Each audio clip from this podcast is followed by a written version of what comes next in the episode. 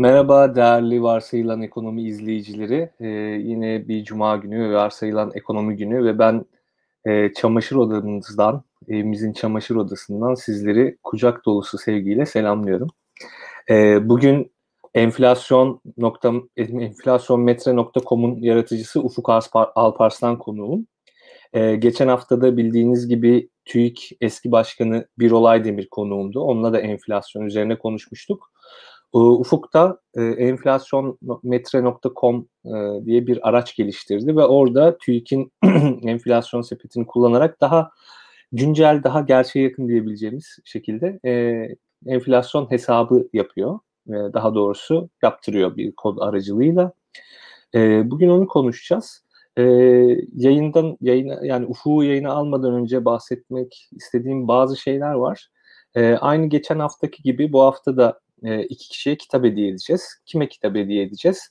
E, Twitch'ten bizi takip edip e, soru soran e, ve benim keyfimce seçtiğim iki kişiye e, serbest kitaplar e, yayın evinin çıkardığı iki tane kitabı hediye edeceğiz. Bunun için ne yapmanız gerekiyor? Twitch.tv adresine gidip Dark 1984 kanalına abone olduktan sonra orada e, yayınımızı da böyle zenginleştireceğini düşündüğünüz sorular sormanız gerekiyor. Yayından yayının sonunda ben bu iki kişiyi açıklayacağım ismini veya işte Twitch nickini söyleyeceğim. E, o kişiler bizim Twitter adresimize DM atarlarsa e, onlara serbest kitaplardan iki tane kitap göndermiş olacağız. E, aynı zamanda e, aşağıda görüyorsunuz biz yayınlarımızı biliyorsunuz sizin desteklerinizle yürütüyoruz. Patreon adresimiz var aşağıda. Oradan Bizi destekleyebilirseniz çok seviniriz, çok memnun oluruz. Ee, hmm. Sadece Patreon'dan bizi desteklemeniz e, gerekmiyor. İsterseniz başka yerlerden de destekleyebilirsiniz. Nasıl? YouTube'dan bize abone olabilirsiniz. Bu yayın eğer başkalarının ilgisini çekeceğini düşünüyorsanız bu yayının, bu yayını paylaşabilirsiniz şu an. Ee, arkadaşlarınıza iletebilirsiniz. Bundan çok memnun oluruz. Ee, bu duyuruları yaptıktan sonra e, değerli konuğum Ufuk Alparslan'ı yayına almak istiyorum. Merhabalar. Hoş geldin Ufuk. Hoş bulduk Enes. Çok güzel yakalandın ya. Tam soda içerken. Aynen öyle. Herkese merhabalar bu arada e, sodayı içebilirsin yani. Sodanı içmen de benim birden böyle ellerinden atınca daha şey oldu. Yandan, bir şekilde yakalanmış gibi oldu. Aynen bir anda ben biraz şey yapmışım. E, kendime dalmışım. e, Ufuk e, yani seni tabii daha önceden pek tanımıyordur arkadaşlar belki. Benim programımı izleyenler genellikle işte ekonomiye ilgi duyan insanlar oluyor. O alanda daha önce çalışmaların olmuş muydu? e, ya da kamuoyu görünürlüğün var mıydı? Açıkçası yoktu. İlk kez bu projeyle oluyor. Yani ne YouTuber'lığım olduğu, ne işte web sitesi açmışlığım olduğu, açık konuşayım. Ne böyle bir çalışma. Aslında iki ay öncesine kadar şöyle söyleyeyim. E, kafamda böyle bir şey dahi yoktu. Yani uzun süredir böyle bir şeyi planlıyordum ve hayata geçiremiyordum bir türlü diyeceğim bir şey de değil. Yani o konuda e, net olayım. E, iki ay önce ilk kez aklıma geldi böyle bir şey yapmak. O da nasıl oldu? Onu da söyleyeyim. İlginçtir. Hani ekşi sözlükle başladı bu süreç. Oradan aslında yine aklıma geldi. Ee, bir tane iki ay önce... Ekşi. Sözlüğü halen e, dirayetli bir şekilde takip eden tanıdığım nadir insanlardan sanıyorum. Şöyle söyleyeyim aslında takip eden der diyemeyiz. Hala yazarlığı olan e, Arada bir giren, arada bir yazan. Yani yüzden az entrim var. Kaç yıldır ekşi sözlükteyim. Yüzden az entrim var yani. Ee, Benim de herhalde 15-20 falandır. Yani bayağı oldu. Yani e, arada bir bakıyorum. Yani şimdi pandemi sürecinde biraz daha aslında olabildiğince daha çok şey okuyorum ya da bakıyorum, ediyorum. Hani bir yandan da ekşi sözlüğü takip etmemin nedeni şu aslında. Biraz da popüler kültürü kaçırmamak için aslında. Doğru. Yani insanlar neyi konuşuyor, neyi e, takip ediyor vesaire onları kaçırmak istemiyorum. E, ne, ne trend olmuş, ne işte seviliyor, ne beğenilmiyor. Orada da hani hızlı bir şekilde birisi sana özet sunuyormuş gibi oluyor aslında. Birileri senin için özetliyormuş gibi oluyor. Onu kaçırmak istemiyorum aslında. Gündeme bakıyorum, DB'ye bakıyorum, en beğenilen entitylere bakıyorum. Onun dışında çok da aktif olduğumu söyleyemem açıkçası. Ne yazar olarak ne okur olarak. E, iki ay önce bir tane e, en beğenilen entrilerde bir şey gördüm. O çok dikkatimi çekti. Hepimizin aklına gelmiştir ama o biraz daha bende böyle bir lambaları yaktı açıkçası. Ee, enflasyonu kendi hesaplamayan muhalefet diye bir başlık. Kimin yazdığını da hatırlamıyorum bu arada. Tanıdığım bir yazar da değil. Ee, o sağ olsun. Onun entrisini gördüm. Çok beğenilen bir entry olmuştu. Neden muhalefet bu kadar e, kalabalık iken, bu kadar kalabalık bir desteği varken, tüm şehirlerde teşkilatlanmışken, e, enflasyon datalarına, fiyatlara ulaşabilecek bu kadar imkana sahipken, yani bunu yapmak için de çok büyük paralara da ihtiyacınız yok. İnsan kaynağına sahipsiniz, imkanlara sahipsiniz, teşkilata sahipsiniz. Ve herkes sizin ağzınızın içine bakıyor. Bir sözünüzle harekete geçebilecek çok insan var. Destek olmak isteyecek çok insan var. Neden yapmıyor diye. Bu beni çok etkiledi bunu ilk gördüğümde. Dedim ki e, bunu neden biz başlatmayalım? Hani nasıl yapabiliriz diye düşünmeye başladım. İlk başta aklıma gelen şey şu oldu aslında. Organize etmeye mi çalışsam insanları? Hani sonuçta sözlük yazarları da tüm Türkiye'nin her bir şehrinden var. Market dataları toplamaya başlasak vesaire. Hani ilk kafamda böyle küçükten nasıl başlayabiliriz, nasıl yayılmasını sağlayabiliriz. 3-5 kişiyle başlar. Başkalarının da ilgisini çeker, başarılı gider, kalabalıklaşır gibi düşünmüştüm. Ondan sonra aklıma geldi ki aslında özellikle pandemiden sonra her şeyin fiyatını online olarak takip edebiliyoruz hiç market market gezmeye de gerek yok aslında her şeyin fiyatına ben bilgisayar başına ulaşabiliyorum. E, o yüzden dedim ki ben bu fiyatları online toplayayım. Önce işte e, ufak ufak bir denemeye başladım. E, bir web sitesine girdiğinizde e, bir web arayüzü görürsünüz. O web arayüzünün işte sağ tıklarsınız eğer browser'da boş bir yere sayfa kaynağını görüntüle derseniz arkasındaki kodu da görürsünüz o web sitesinin ve o arkasındaki kaynak koduna giderseniz e, resimlerin linkleri, fiyatların işte e, miktarları gibi şeyleri de görebilirsiniz. Benim ulaşmaya çalıştığım kodlamada da e, bu verilere nasıl ulaşabileceğimi, nasıl çekebileceğimi bulmak oldu. Kodlayarak buradaki tüm ürünlerin adlarını, fiyatlarını vesaire çekebileceğimi fark ettim. Önce ilk aklıma gıda fiyatları, market fiyatları, içecekler fiyatları vesaire toplamak geldi. Baktım ki iş iyi gidiyor, daha fazla da yapabilirim diye düşündüm ve öyle başladım. Tamamen kendi inisiyatifimle ve tamamen aslında biraz da hobi olarak başladım. Yani biraz insanların kulağına komik gelebilir böyle hobim olur diye. ee, ama pandemide pandemide yani evde boş boş otururken gerçekten insan bir şeyler yapmak istiyor, bir şeyler üretmek istiyor. Yani enerjisini bir şeye harcamak istiyor. Ee, birkaç ay ben de hani bir şeyler aradım işte film izlemek, kitap okumak, bir şeyler araştırmak, etmek ama bir süre idare ediyor bunlar sizi. Ee, daha böyle üreteceğim bir şeyler arıyordum ve bu aklıma geldi. Ee, böyle oldu. Pandeminin bana faydalarından birisi bu proje oldu aslında. Bence gayet iyi olmuş. Çünkü ya böyle bir şey zaten yani çok saçma ama yani çok basit bir şey aslında değil mi konsept? Sonuçta yani niye kimsenin aklına gelmemiş diye düşündüğümüz sonra birinin yapınca aa ulan doğru aslında ne kadar falan dediğimiz türden şeyler olur ya.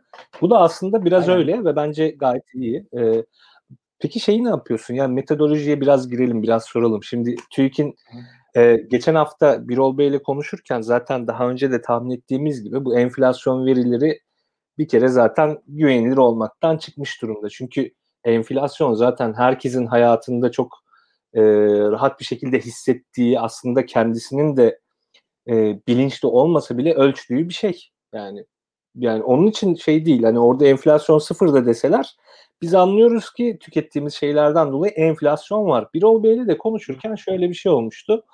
Ben ona şeyi sordum. Ee, yani Eurostat diye bir kurum var. İşte Birleşmiş Milletler'in bu istatistikle ilgili ofisleri, büroları falan var.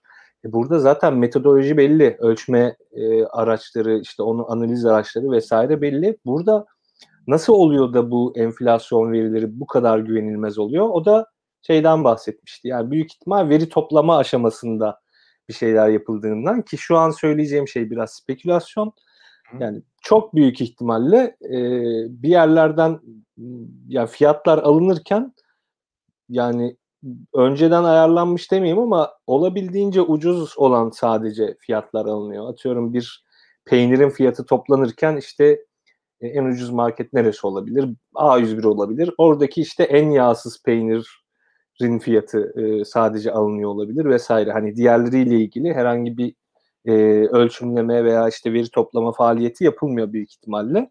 İşte zaten bu verinin manipüle edilmesi veri toplanması aşamasında gerçekleşiyor diye bir kanaate zaten varmıştık ama Birol Bey de biraz onu destekler şeyler söyledi açıkçası.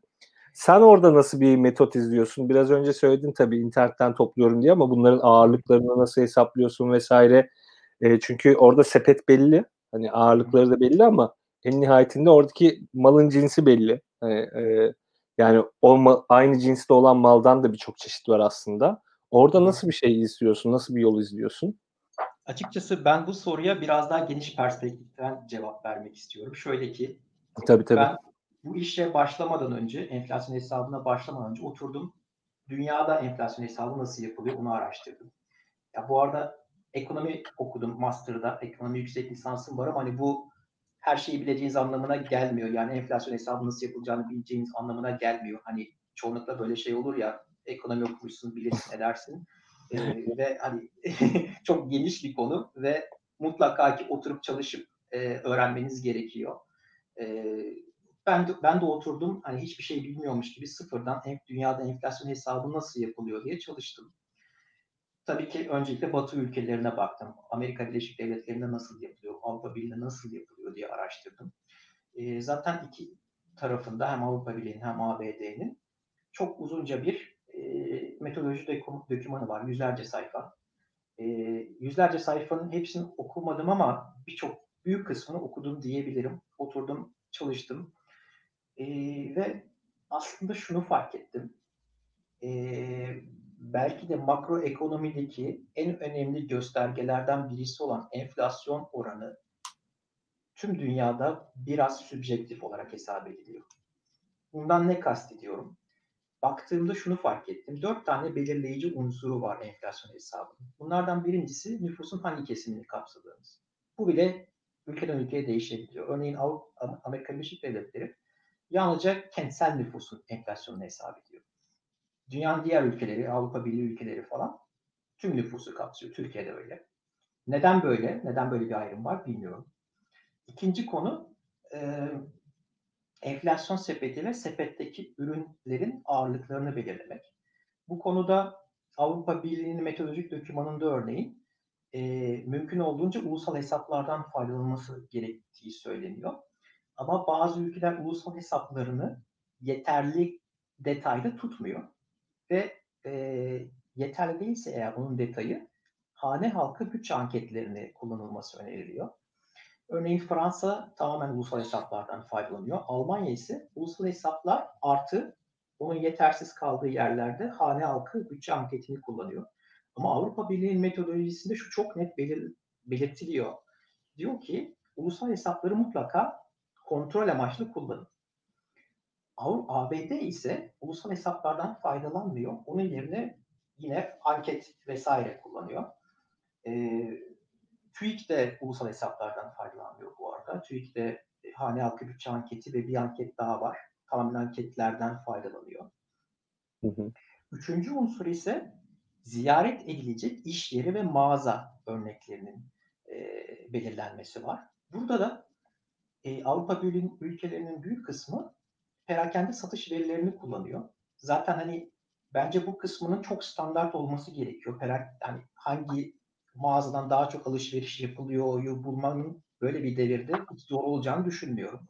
Yani her, hemen hemen herkesin kredi kartı kullandığı e, bir, bir sürü post yazılım verisine ulaşabildiğimiz e, bir dünyada yani gelişmiş ülkelerden bahsediyorum. Bizim ülkemizde de bunların kayıtları çok iyi bir şekilde tutuluyor.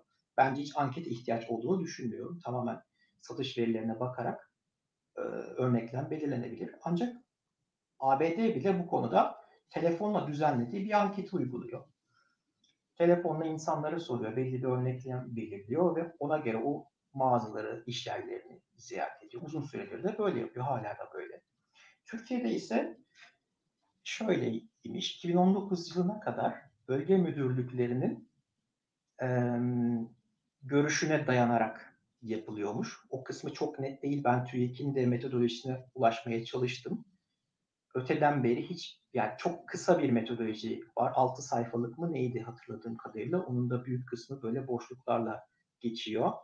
Ee, yani neyi nasıl belirlediklerine çok ulaşamıyorsunuz. Ee, 2019'dan sonra da e, Gelir İdaresi Başkanlığı'nın verilerini kullanmaya başlamışlar. Buna da bir haber aracıyla ulaştım zaten. Bir açıklama yapmış e, TÜİK basına. Oradan buldum bu bilgiyi.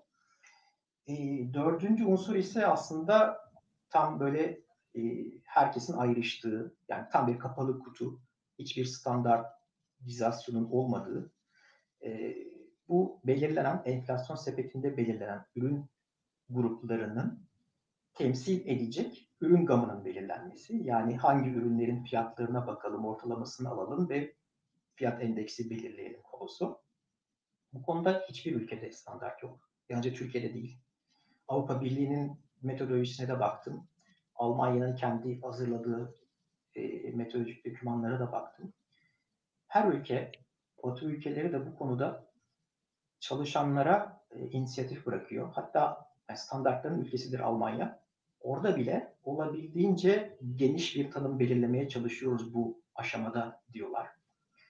E, ve bu bayağı kapalı kutu bir alan. Burada istediğiniz şekilde e, belirleyebilirsiniz ve istediğiniz fiyatı çıkart, istediğiniz oranı, enflasyon oranını çıkartabilirsiniz burada belirleyeceğiniz şeylerle. Tek önemli şey, yani bu arada tek bir enflasyon oranı olmayan ülkeler de var. Farklı farklı enflasyon oranları hesap ediliyor. Yani neyle neyi karşılaştırdığınıza bağlı olarak istediğiniz enflasyon oranını çıkartabilirsiniz.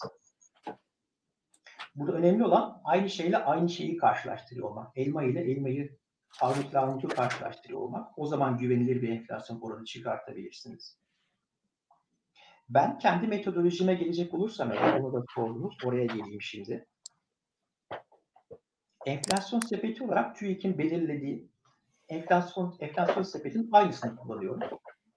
Ee, orada hiç kendim bir hesaba girişmiyorum. Bu arada TÜİK'in enflasyon sepeti e, 2020 enflasyon sepeti hiçbir gariplik içermiyor. Hani çok fazla duyuyorum e, sosyal medyada vesaire pimpon topu bile var deniyor ama yok. Yani yok. 2020 enflasyon sepetinde yok en azından. Belki o önceden var.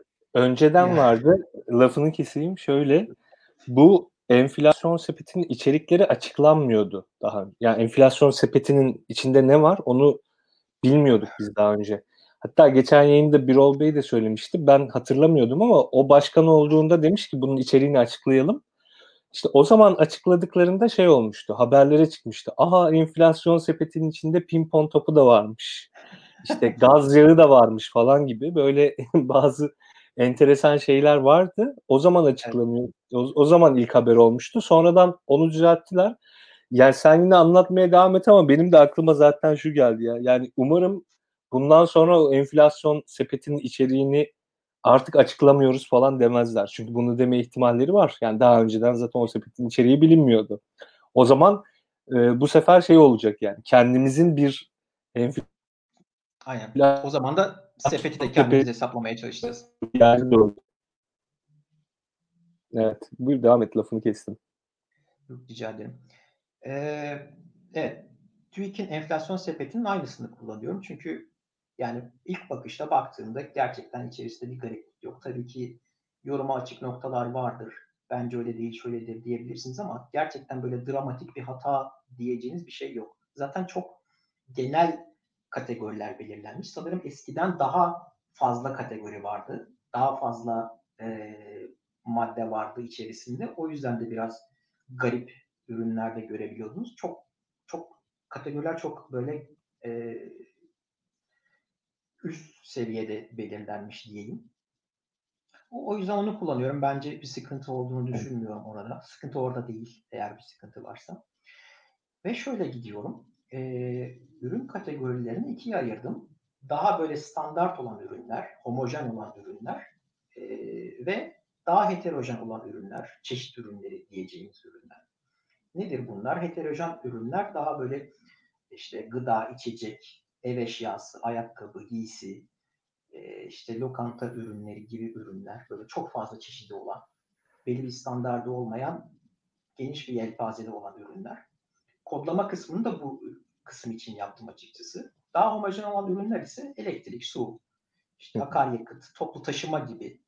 Yani bir web sitesine girip hızlıca bakabileceğiniz, e, çok volatil yani volatilite demeyeyim de ona e, değişimi farklı kaynaklardan baktığınızda değişkenliği çok olmayan e, ürün fiyatları diyeyim.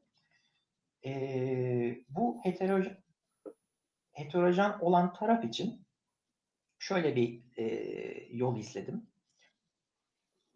Belli başlı web siteleri belirledim. Örneğin market ürünleri için A101'in, Carrefour'un ve Migros'un web sitesine gidiyorum. Oradaki tüm ürünlerin fiyatlarını çekiyorum. E, giysi, ayakkabı, ev eşyası için Trendyol'un web sitesine giriyorum. Oradaki ürünlerin fiyatlarını çekiyorum. Lokanta için hem yemek sepetini kullanıyorum hem de şimdi pandemiden sonra kare kod olayı başladı menülerde. E, işte birkaç barın böyle kare kodunun şeyini web sitesini buldum. Ya, o kare kodu okutmak demek aslında sizi bir web sitesine yönlendiriyor. Bir web sitesi aracıyla görüyorsunuz zaten. O web sitelerini kaydettim işte. Onlar da artık evden kendi menülerine bakıyorum, fiyatlarını takip ediyorum vesaire.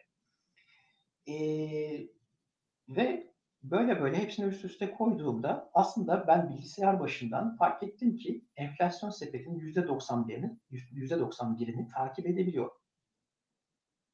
Takip edemediğim ürünler daha böyle hizmet ürünleri. E, takip etmesi çok zor olan ve standardı belli olmayan ve hani böyle bir karmaşa olan, biraz daha karmaşa olan ürünler. O yüzden onlardan biraz daha uzak durun ve %91'inde yeterli olduğunu düşündüm açıkçası. E, bunun dışında bazı ürünler de yine e, kodlama yapmadan web sitelerinden takip ettiğim ürünler de var. Mesela ilaç hmm. fiyatlarını da yine online olarak bulabiliyorsunuz. Bunun için işte bir örnek ilaç seti ilaç seti belirledim diyelim. En çok kullanılan ilaçları bulmaya çalıştım. İşte iki tane ağrı kesici, iki tane tansiyon ilacı, iki tane diyabet ilacı gibi böyle çok kullanılan ürün ilaçları bulmaya çalıştım. Bunun içinde yine online aramalar yaptım. İşte ekşi sözlükte en fazla yorum yapılan ilaçları vesaire buldum. Popüler olan ilaçlar bunlar diye. Onları da online olarak takip edebiliyorsunuz. Böyle bir örneklem belirledim. İşte alkol, içki, sigara gibi fiyatlar zaten belli dönemlerde yapılıyor zamları 6 ayda bir. Onu da takip etmesi çok kolay haberlerden bile. Hemen haberimiz oluyor zaten kullandığınız şeyler olduğu için. e, kira gibi şeyleri de yine sahibinden komun e, endeksi var. Her şehir için hatta her mahalle için yapıyor. O endeksleri kullanıyorum. E, burada en zorlayıcı şey şu oldu aslında benim. E, market ürünleri o kadar zor değil. E, yani 3-5 marka birçoğunda bakliyat gibi ürünlerde mesela 3-4 tane marka belirliyorsunuz. Yaygın olan, hep piyasada olacağını düşündüğünüz ve uzun süredir piyasada olan. Onların fiyatlarını topluyorsunuz ve ortalamasını alıyorsunuz. Gerçekten hani pirinç için, bulgur için 3-5 tane markanın fiyatını toplamak yeterli. Yalnızca aynı gramaja sahip olsun yeterli. Biraz daha standardı olan bir ürün. Sebze meyve için de aslında yine e, markası da olmayan ürünler zaten. Onların fiyatlarını da toplamak kolay. Yalnızca organik meyve, sebzeden uzak durmanız gerekiyor. Bozucu etki yaratabilir diye. E, esas problem şeyde ev eşyası, giysi, ayakkabı gibi şeylerde. Ben orada bayağı bir uğraştım. Şöyle bir metodoloji hmm. belirledim. Her bir ürün kategorisi için bir özellik seti belirledim. Örneğin çamaşır makinesinin fiyatlarını toplayacağım diye. 4-5 tane marka belirledim. Böyle belli bir standardı olan ne üst segment diyeceğiz ne alt segment diyeceğiniz markalar böyle. Ve uzun süredir piyasada olan ve olacak olmaya da devam edecek markalar. Sonra işte belli bir yine özellik seti dediğim gibi diyelim ki 1000 devir. E, 8 kilogram işte enerji verimliliği kaçsa A++. Böyle belli bir özellik seti belirledim ve hep onların fiyatlarına bakıp onların fiyatlarını birbiriyle karşılaştırıyorum. Ancak burada şöyle bir sıkıntı var. E, esas beni zorlayan şey o oldu. Böyle bir özellik seti, spesifik bir özellik seti belirleseniz dahi elinizde çok geniş bir ürün gamı oluyor hala. Diyelim evet. ki 30 tane ürün çıktı elinize. bu dediğim özellik setiyle işte 4 tane marka e, binde bir 8 kilogram A++ e, çamaşır makinelerini arattınız. 30 tane ürün çıktı diyelim. Bu 30 tane ürünün bir kısmı yine nispeten alt segment diyeceğimiz ürünler, bir kısmı da böyle üst segment diyeceğimiz daha pahalı olan ürünler. Burada da yine bir hala bir heterojenlik var. Bunun üstesinden şöyle geldim. E, çıkan sonuçları çıkan sonuçları 30 tane sonuç dedim. Oradan devam edeceğim aynı örnekten. Fiyatı küçükten büyüğe sıraladım. Ve her bir 5 ürün için yani ilk 5'i aldım. Ortalaması ile medyanını karşılaştırdım. Sonra ilk 10'unu aldım. Ortalaması ile medyanını karşılaştırdım. Sonra ilk 15, ilk 20, ilk 25, ilk 30'a kadar gittim. İşte kaç tane varsa. Ve bu döngüyü ne zaman durdurdum? Ortalama ne zaman ki medyandan daha yüzde ondan daha fazlaysa orada dur dedim. Buradaki mantığım şuydu. Aynı segmentteki ürünlerin fiyat ortalamasını alayım.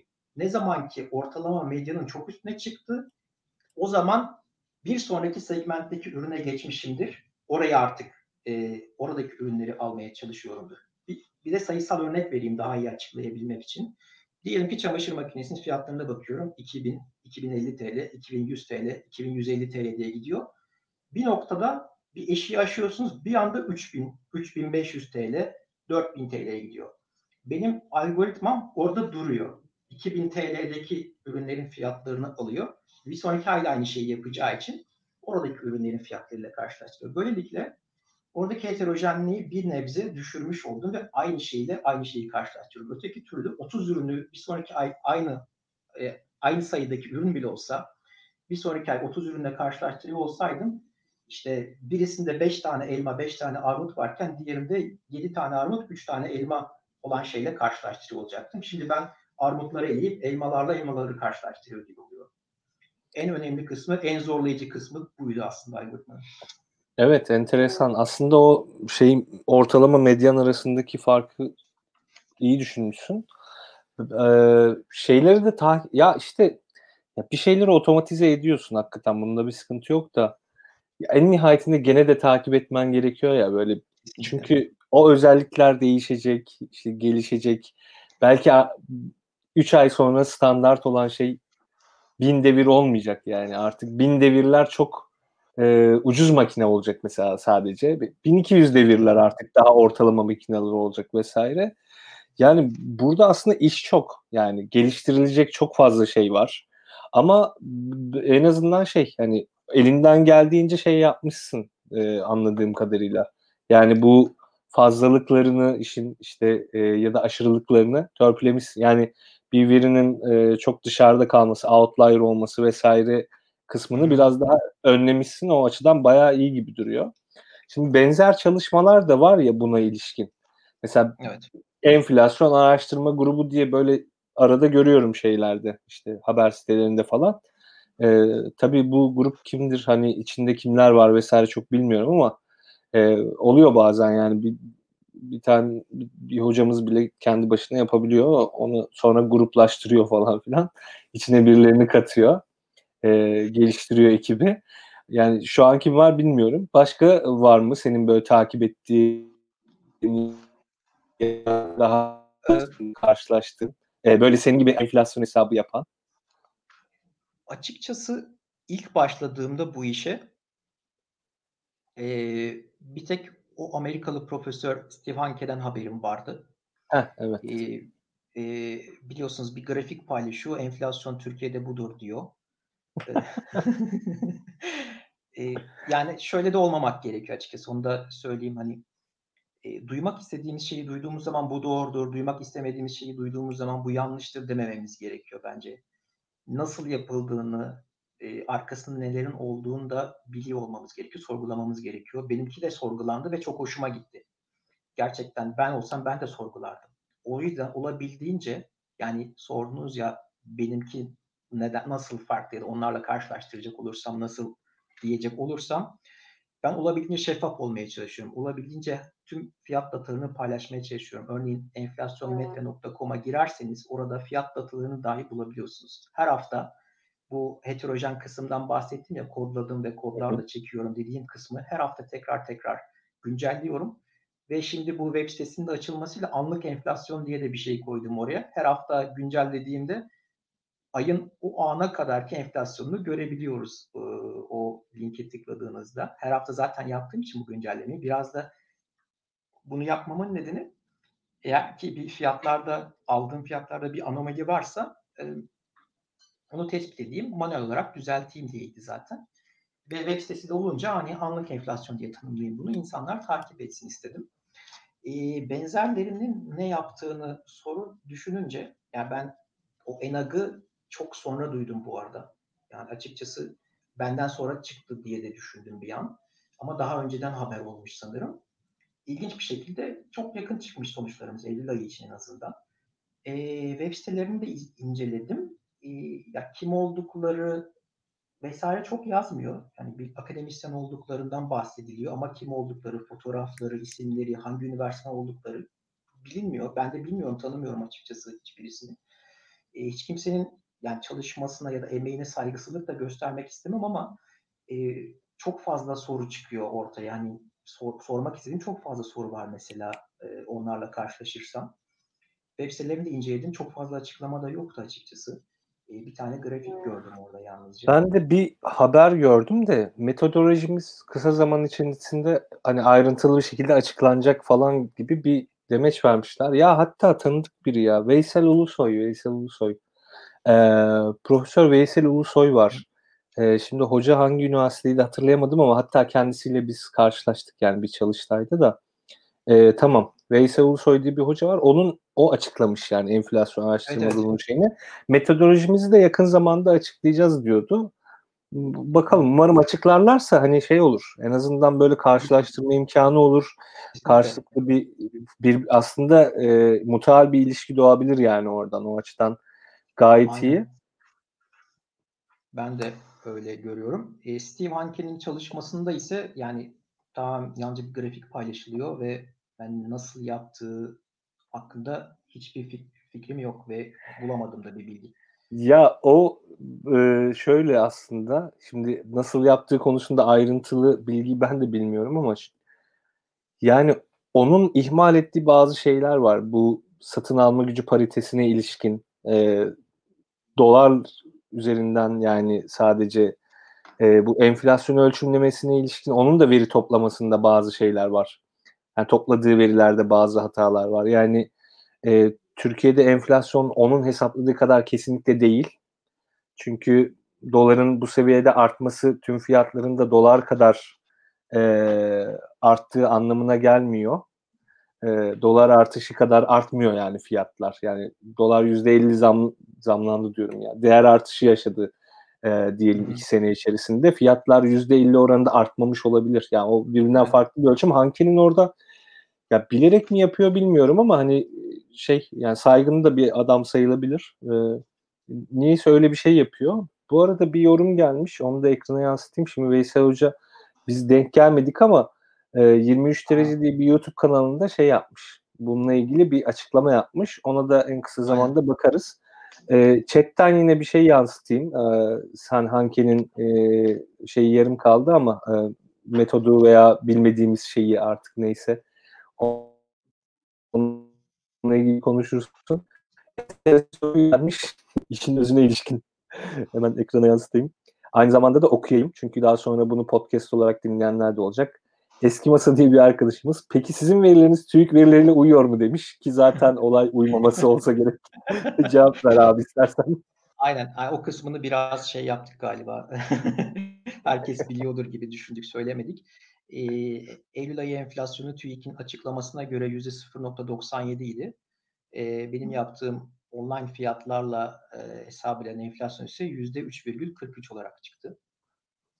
E, bu arada şunu da söylemem gerekiyor aslında. Ben bu işin e, ya ilk veri toplamam 15 Eylül gibi.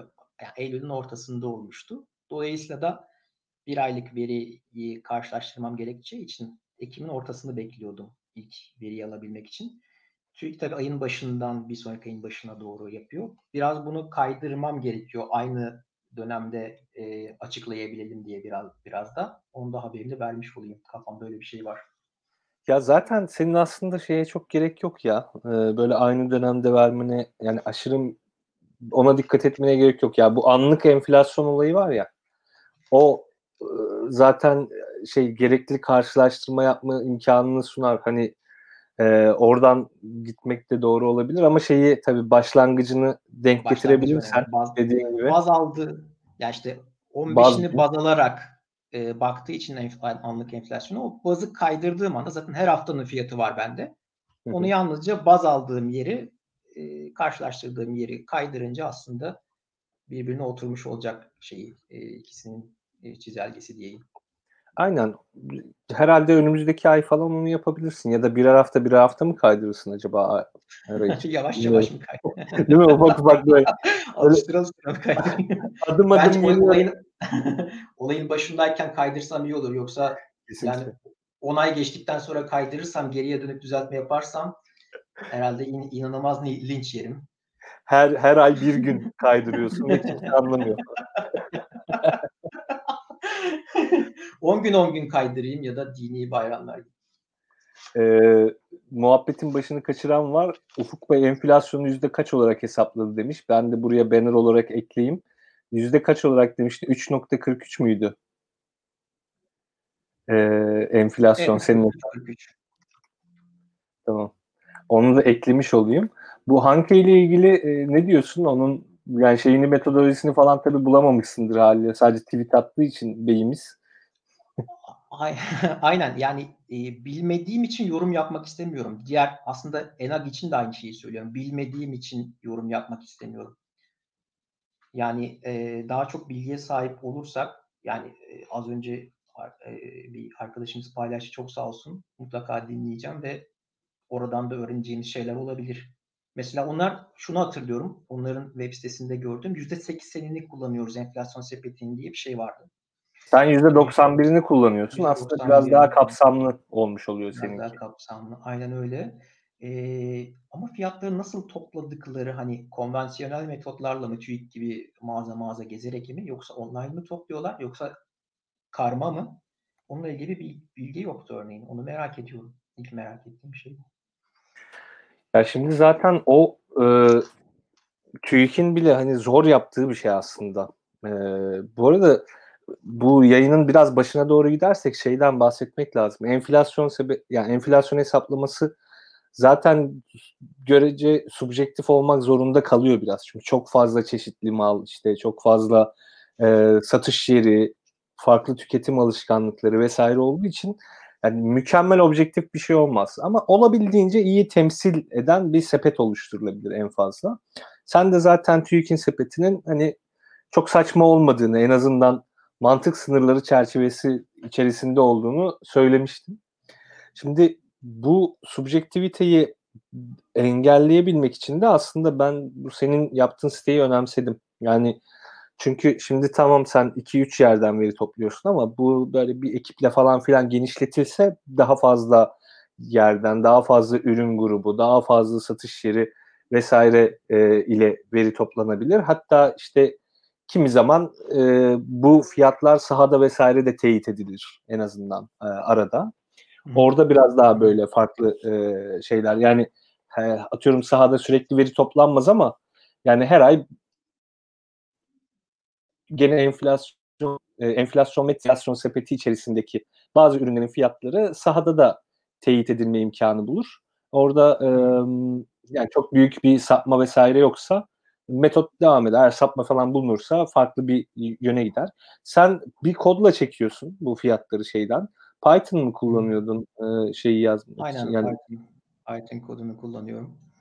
Aynen. Oradan ee, herhalde şey siteye de otomatik yükleniyor zaten. Öyle çok elle müdahale yaptığın bir şey yok galiba. Daha sistemi otomatize ettin. Aynen. Yani şöyle bir şey. Şimdi biraz bahsettim girişte. Bir web sitesinin kaynak kodunu görebilirsiniz. Benim ulaştığım kodlarla da aslında o kaynak kodu. Ve kaynak kodunda da belli bir satıra ulaşma şansınız olabilir. İşte onu kodlarda ayarlıyorsunuz, fiyatını çekiyorsunuz, işte onu düzenliyorsunuz, ismini çekiyorsunuz ürünün. Onların hepsinin belli etiketleri oluyor zaten. Siz o etiketlere ulaşmaya çalışıyorsunuz içeride. Buna şey diyor, web crawling de deniyor, web parsing vesaire deniliyor. Ee, oradan çektiğim her şeyi e, daha sonra da e, bazı ayıklamalar yapıyorum. Yine kod içerisinde yaptığım ayıklamalar da var. İşte demiştim e, organik ürünlerin fiyatlarını eliyorum. İşte e, ya da işte bazen benzer isimli şeyler olabiliyor. Bir meyvenin e, adını aratıyorsunuz ama işte o meyveye sahip olan bilmem ne gofret işte bisküvi falan da çıkıyor. Onları elemeniz gerekiyor vesaire. Onun gibi şeyler.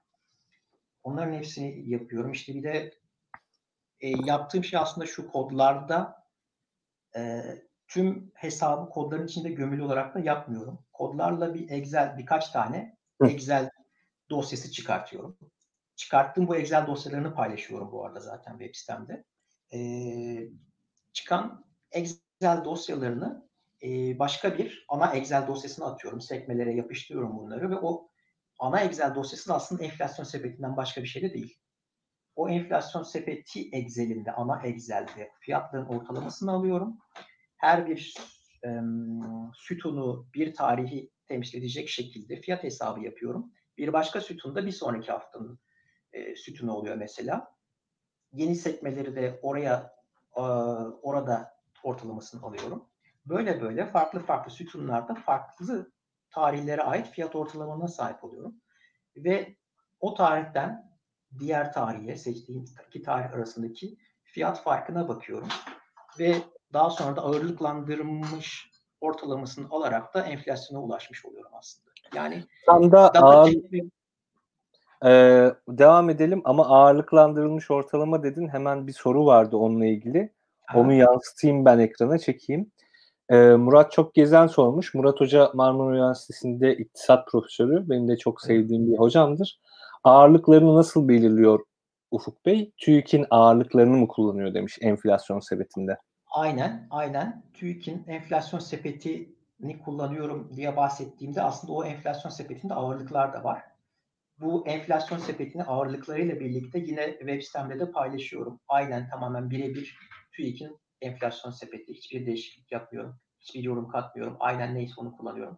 Yani dediğim gibi %9'luk kısmını yokmuş gibi varsayıp %91'lik kısmını kullanarak hesap ediyorum e, enflasyon oranını. Yani %9'luk kısım bence şey olur ya. Zaten e, onların tabii ağırlık olarak %9 değil mi? Ürün gamı, ürün çeşitliliği, sepetteki ürünlerin %9 değil de ağırlık. Ağırlıkların hepsini üst üste topladığınızda %100 ediyor. %90 100 ediyor. Sen %91'ini kullanıyorsun şeyin. E, o zaman güven aralığında sayılır ya. O çok sıkıntı olmaz. O kadar ayrıntılı bir analizde bence. Yani %9 böyle çok sıkıntılı bir şey değil bence. Ya başlangıç olarak ben de iyi olduğunu düşünüyorum. Zaten alternatif olanlarıyla karşılaştırınca da şu anda iyi gibi gözüküyor. Bir de e, ben bunu ilk başta iki sözlükte paylaştım yine. Orada çok fazla destek gördü ve öyle biraz popülerlik kazandı. Orada aldığım destek mesajlarını da düşününce sanırım herhalde tüm ekşi sözlük yazarlarına sorsam şuranın da fiyatı kaç diye sanıyorum destek olur herkes. öyle bir izlenim el, elde ettim yani. Hani herkes destek olmak istiyordu. Herkes gönüllü çalışmak istiyordu. Hani ne yapabiliriz, ne edebiliriz diye. Ya birçok insan böyle bir şeye ihtiyaç duyuyor gibiydi. Onu fark ettim. Böyle bir boşluk vardı. Sanki o boşluğu dolduruyormuş gibi hissettim. Peki aslında yayını bitirmeden Ufuk sana şeyi sorayım. Ee, enflasyon metre zaten enflasyon güven duyulmayan e, istatistiklerin başında geliyor. Bir diğeri de işsizlik. Onu da zaten çeşitli kurumlar işte geniş işsizlik vesaire rakamlarını açıklıyorlar. Hani orada da daha güvenilir bir e, dataya ulaşmamız görece mümkün. Başka senin aklına böyle gelen işte ya bizim de hesaplayabileceğimiz e, ve aslında güven duyulmayan veriler var mı? Açıkçası ben düşündüğümde Hiç aklıma düşün yani açıkçası oturup da düşünmedim. İlk aklıma enflasyon gelirdi. Ama bunu şöyle yapalım mı? Seyircilerimize soralım. Bize Tabii. ulaşsınlar. Ee, yani bana da ulaşabilirler daha sonradan. Web sitesi aracılığıyla da ulaşabilirler. Twitter'dan da ulaşabilirler. Size de Ufuk'un Twitter adresi yazıyor e, videonun altında arkadaşlar. Benimki de yazıyor. E, Ufuk DM açık mıydı senin? DM, Twitter direct um, Açık, açık evet. Birçok kişi açık. mesaj atıyor. Aynen. Aynen. Ufuk'un da açık, benim de açık. Yani direkt Ufuk'a ulaşsanız da olur. Hani böyle bir aklınıza gelen güvenmediğiniz bir veri varsa ve onu Ufuk'un hesaplayabileceğini düşünüyorsanız Ufuk'a ya da bize de ulaşabilirsiniz. Ee, ben de onun üzerine şimdi yayından önce biraz düşündüm ya dedim aslında başka bir şeyler için de kullanılabilir. Şimdi en güvenilir olmayanlar hakikaten işsizlik ve şeydi. Yani enflasyondu. Çünkü işsizlikle ilgili diskin vesaire e, farklı kurumların da var. Bu geniş işsizlik tanım, işsizlik tanımı üzerinden çeşitli hesaplar vesaire ya da iş başında olmayanları da kattıkları böyle aşırı geniş tanımlı işsizlik hesapları da var. Şimdi enflasyon içinde hem işte enflasyon araştırma grubu hem, hem sen işte daha güvenilir veri sunuyorsun. Ee, bunların haricinde varsa arkadaşlar mesela yani hiç de aklıma gelmiyor. Demek ki en e, kilit şeyler bunlarmış. Yani diğer türlü mesela e, bazı şeylere de ulaşılamayabilir. Tabii işte bütçenin çeşitli kalemlerinin e, çok gerçeği yansıtmaması falan gibi şeyler konuşuluyor. İşte e, bazı e, yöntemlerle bütçe açının daha fazla çıktığını söylüyorlar ama ona tabii o artık bazı verilere ulaşamayacağımız için hesaplamak zor olabilir. Şey aklıma geliyor benim açıkçası şimdi aklıma geldi. Bir arada büyüme verisi çok tartışılıyordu. Büyüme verisi beklenenden evet. çok yüksek çıkıyor diyerek çok konuşuluyordu. Ama benim onun için çok net bir önerim var. Hani enerji sektöründe çalışıyor olduğum için takip ettiğimiz de bir veri. Elektrik tüketim verisi. Çok hem de Aa, çok daha canım. çok daha önce öğrenme şansınız var. Ee, yani bir sonraki çeyrekte vesaire açıklanır büyüme verisi. Ee, oradan kontrol edebilirsiniz ben sanayi üretiminin nasıl geliştiğine bakmak için hep enerji tüketim verisine bakıyorum zaten. Evet, onu birçok insan da onu kullanıyordur. Hani özellikle sanayi üretimi için ona bir bakabilirsiniz. Ee, tabii büyüme verisini tam anlamıyla kapsamaz da size bir fikir verir yani bir öncü gibi. Aynen. Aynen. Talep yönlü farklı büyüme şeyleri falan da olabilir ama e, sanayi üretimiyle de bir kontrol etmeniz gerekir. Eğer ki sıcaklığın etki ettiği, elektrik tüketimine etki ettiği bir mevsimde ise e, onunla evet. kontrol ettiğinizde bayağı bir aslında çok e, iyi fikir veriyor. Bunu hatırlattığın iyi oldu. Mutlaka kullansın arkadaşlar bence de. Ben de çok baktığım öncü göstergelerden biridir ve zaten çok fazla kullanan da görüyorum. Hani e, biraz böyle raporları falan karşılaştırırsanız çok denk geleceğiniz bir veri yani kullanılan. Sizde eğer e, büyüme rakamları ile ilgili bir çekinceniz varsa ya en azından şu hiçbir zaman olmaz. Eğer elektrik tüketim verisi e, görece düşüyorsa e, sıcaklık ve benzeri gibi işte e, faktörler aynıyken o ay büyüme olmamıştır arkadaşlar. Bu net yani arz yönlü bir sıkıntı vardır. Orası net. Ee, senin başka eklemek istediğin bir şey var mı Ufuk? Bu son olarak şeyi vurgulamak istiyorum. Biraz e, dünyada nasıl sübjektifi biraz daha vurgulamak istiyorum son kapanışta. Çünkü ha, tabii tabii.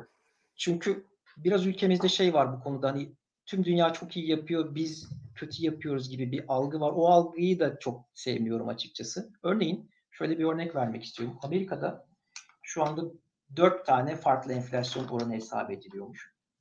Birisi işte e, kentsel nüfusu ölçen CPI denilen CPI-U denilen e, oran manşet enflasyonda diyebiliriz. Hep haberi yapılan bu oluyor. Bir tane işte CPI-W denilen yemiyeli çalışanların enflasyon oranı. CPI-E denilen yaşlı nüfusun enflasyonu. Dördüncü ve manşet enflasyonu şu anda kullanılan manşet enflasyona alternatif olarak da CCPI-U diye yeni bir yeni dediğim 2002'de çıkmış ve alternatif enflasyon var. Ve bu bunun alternatif olmasının nedeni şu. E, normalde tüm dünyada e, Amerika'nın şu anda normalde kullandığı enflasyon sepetinde de her yıl enflasyon sepeti güncellenir. Ağırlıkları her yıl değerlendirilir ve güncellenir. Bu bahsettiğim CCPI U enflasyon oranında ise ay be ay güncelleniyor. Baktığı şeyde tüketiciler, tüketicilerin ikame ürünlere yönelmesini de dikkate alıyor. Örneğin bir ürün pahalandı mı, ikamesi olan daha ucuza mı yöneldi o halk? O zaman bir önceki ay daha pahalı olanı sonraki ay daha ucuz olan segmentteki ürünün fiyatıyla karşılaştırıyor. Böyle yaparak aslında enflasyonu daha düşük hesap etmiş oluyor kafadan ve geçmişten bugüne bakıldığında bu yeni alternatif enflasyon oranı ile mevcut kullanılan arasında hep şöyle bir ilişki var. Bu yeni olan hep ya küçük ya da eşit çıkıyor diğerine ve kümülatif olarak baktığınızda küçük küçük farklılıklar var her ay öyle ama siz onları kümülatif olarak aldığınızda aradaki fark katlanarak artıyor. Ve birçok insan, politikacılar vesaire, iş dünyası bu yeni enflasyonun yeni enflasyon hesabı diyeyim daha gerçekçi, daha doğru olduğunu söylüyor ve bunun için lobi yapıyorlar. Hmm, bir başka mantıklı. örnekte bir başka örnekte e, Almanya'da da ekonomi postdoc yapan bir arkadaşım var. Aynı bölümde master yaptık, aynı üniversitede. Ee, ona bahsettim böyle bir çalışma yaptım vesaire ve onun da çok ilgisini çekmişti ilk bahsettiğimde. O da aynı şeyi söylüyor. Tüm dünyada enflasyonun e, çok doğru hesap edilmediğini ve hatta onun da aklına girmiş oldum biraz. O da Almanya için benzer bir hesaplama yapmaya girişiyor. Ondan bir paper çıkartmayı falan düşünüyor şu anda.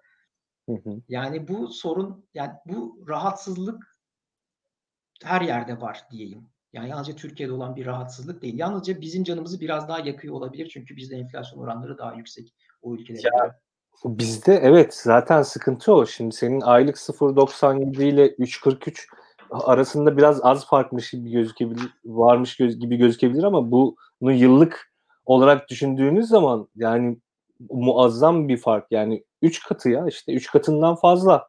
Yani enflasyon yıllık %11 açıklandıysa aslında yüzde 30-35 demektir bu neredeyse.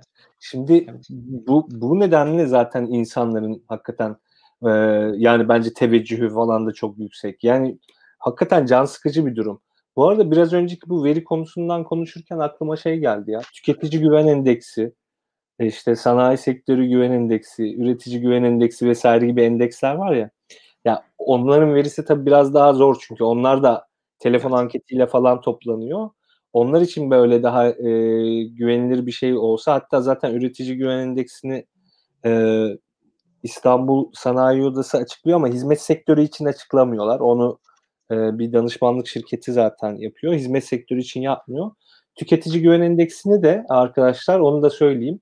E, hem TÜİK açıklıyor hem de şey aslında Bloomberg HT'de hala yapıyorlar diye biliyorum. Daha öncesinde işte CNBC'ye güven endeksi diye açıklıyorlardı. Şimdi Bloomberg KT oldu.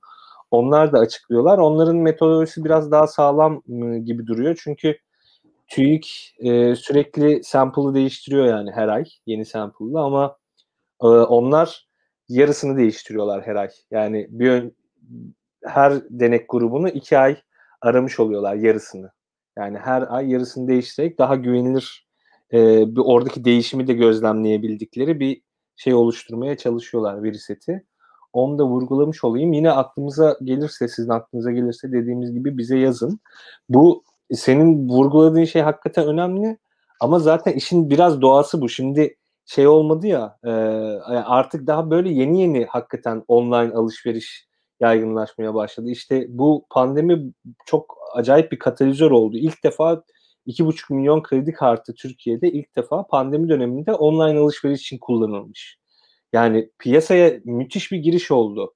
Şimdi bundan sonra biraz daha kolaylaşabilir, biraz daha objektivite sağlanabilir ama daha öncesinde hakikaten çarşı pazardan da fiyat toplamak ve bunları da elle ya da gözle işte neyse e, toplamak zorunda oldukları için belli subjektivite e, noktalarını içermesi gerekiyordu ama artık o online alışverişe doğru kaydıkça senin dediğin gibi yani kredi kartı harcamaları bilinirken şu bilinirken bu bilinirken daha objektif davranılabilir ama ya sanıyorum burada en nihayetinde bir hibrit metot yani sürekli devam eder yani on ama senin yaptığın şey ufuk açıcı en nihayetinde. Ee, belki TÜİK gibi farklı kurumlar da bununla ilgili çalışma belki de yapıyorlar bilmiyorum takip etmediğim bir alan. Yani online olarak veri toplamaya ilişkin. Belki de hala yapan da vardır farklı ülkelerde. Ama bir yandan sahadan da veri alıyorlardır diye tahmin ediyorum. Tabii en önemli şey orada aslında bu enflasyon sepetini nasıl oluşturmak? Bunun daha kapsayıcı olması aslında e, enflasyon hesabının daha objektif olmasını getirecek. İşte şu an kaç kalem var e, tam hatırlamıyorum ama o kalemin sayısı ne kadar artarsa oradaki ağırlıklar ne kadar daha e, düzgün yapılırsa işte o zaman daha doğru veriyi elde etmiş olacağız. E, umarım şey olur. E, yani ileride fırsat olursa belki daha böyle iyi bir enflasyon sepeti vesaire de oluşturulabilir. Fakat şu aşamada dediğin gibi bence çok gerek yok o konuda yorum yapmaya. Çünkü en azından mukayese edilecek e, veri zaten belli. TÜİK'in verisi ve onların şeyini kullanmak daha iyi gibi geliyor bana da. Hani sen de zaten onu söyledin. Onların e, sepetini ve ağırlıklarını kullanmak daha mantıklı mukayese edilebilmesi açısından. E, ileride belki sen de şey yaparsın CCPU gibi ayrı bir hesaplama metodu geliştirirsen onu da zaten duyurursun diye düşünüyorum. Ee, soru varsa arkadaşlar son soruları alalım sonra yayını kapatalım ama çok da soru yok gibi e, öyle görüyorum. En son Murat Hoca'nın sorusunu da yayınladık. E, Murat Hoca'nın sorusunu da yayın, yanıtladık. Ha, bir tane arkadaş şey sor Ekşi'de kendimi severim yaradandan ötürü Niki ile mi var diyor. Yani evet, evet sen... doğrudur. Doğru, Aynen. doğruymuş. Bulmak zor olmasa gerek herhalde arkadaşlar. Enflasyon. Emin olmak istedi belki de. Benim ekşi sözlük nickimde Econ Sula. hiçbir şey yazmıyorum ama isterseniz bakabilirsiniz. Yani hiçbir şey yazmadığım e, ekranlara falan boş boş bakabilirsiniz. e, programı yavaş yavaş kapatayım Ufuk. E, çok memnun oldum bugün katıldığın için. Bence dediğim gibi ufuk açıcı bir iş en nihayetinde yaptığın şey. Umarım daha da geliştirirsin zaten. Geliştirilmesinin önünde hiçbir engel yok gibi duruyor. E, ve zaten e, Ufuk Alparslan Araştırma Grubu olarak yani tek başına yaptığın için de e, e, bu başlangıçtaki gelişmeleri daha hızlı yapabileceğini e, düşünüyorum. E, seni uğurlayayım. Çok teşekkür ederim tekrardan. Ben teşekkür ederim konuk ettiğin için. Çok sağ olasın. Ee, arkadaşlar yayını kapatmadan önce e, birkaç duyuru e, yapmak istiyorum. E, dediğim gibi yayının e, başında duyurmuştum öncelikle şeyi e, Twitter'dan e, pardon Twitter diyorum ya Twitch'ten soru soran e, iki kişiye e, serbest yayınlardan kitap hediye edeceğimizi söylemiştim. E, yorumlara bakıyorum hızlıca. Bir tane arkadaşımız soru sormuş eski masa diye. E, evet o nadide soruyu sormuş. Sizin veriler TÜİK verileri uyuyor mu sorusunu. E, eski masa nickli Twitch kullanıcısını e, şeye davet ediyorum. Bizim Twitter hesabımıza DM atmaya.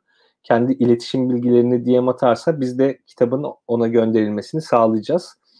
E, tekrar hatırlatmak isterim ki bu yayını sizlerin destekleriyle yapıyoruz. O nedenle Patreon'dan eğer imkanlarınız varsa, müsaitseniz bizi desteklerseniz çok seviniriz.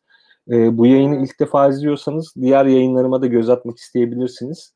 Daktilo 1984 YouTube hesabında varsayılan ekonomi playlisti var. Oradan diğer yayınlarıma bakabilirsiniz. Özellikle bu bu bölümü sevdiyseniz geçen haftaki bölümü izlemenizi tavsiye ederim. Çünkü orada da eski TÜİK Başkanı Birolay Demir'i konuk olarak almıştım ve verilerin güvenilirliğinin güvenilir, güvenilirliğine ilişkin e, biraz muhabbet etmiştik kendisiyle. O da hoşunuza gider diye düşünüyorum. Aynı zamanda farklı programlarımız var. Onlara da bir göz atarsanız sevinirim. Ee, eğer e, bu yayını sonradan izliyorsanız Spotify'dan veya işte YouTube'dan vesaire dinliyorsanız, izliyorsanız bana önerileriniz varsa mutlaka bana ulaşın. Ee, yayının altında dediğim gibi Ufuk'un benim e, adresleri var. Aynı zamanda Telegram grubumuzun da adresi var. Onlara da bir göz atıp eğer biraz önce bahsettiğiniz gibi aklınıza şey geliyorsa işte güvenmediğiniz veri var işte bu işi çözse çözse ufuk çözer falan diyorsanız onları da bize veya ufuğa ulaştırırsanız e, çok seviniriz. E, izlediğiniz için çok teşekkür ederim. Haftaya Cuma günü tekrar karşınızda olmak istiyorum. Bazen yapamıyorum biliyorsunuz. İşte yoğunluktur, iştir, güçtür vesaire. Ama olabildiğince yapmaya çalışıyorum. Umarım haftaya Cuma günü tekrar karşınızda olacağım. Şimdilik hoşçakalın. İzlediğiniz için çok teşekkürler.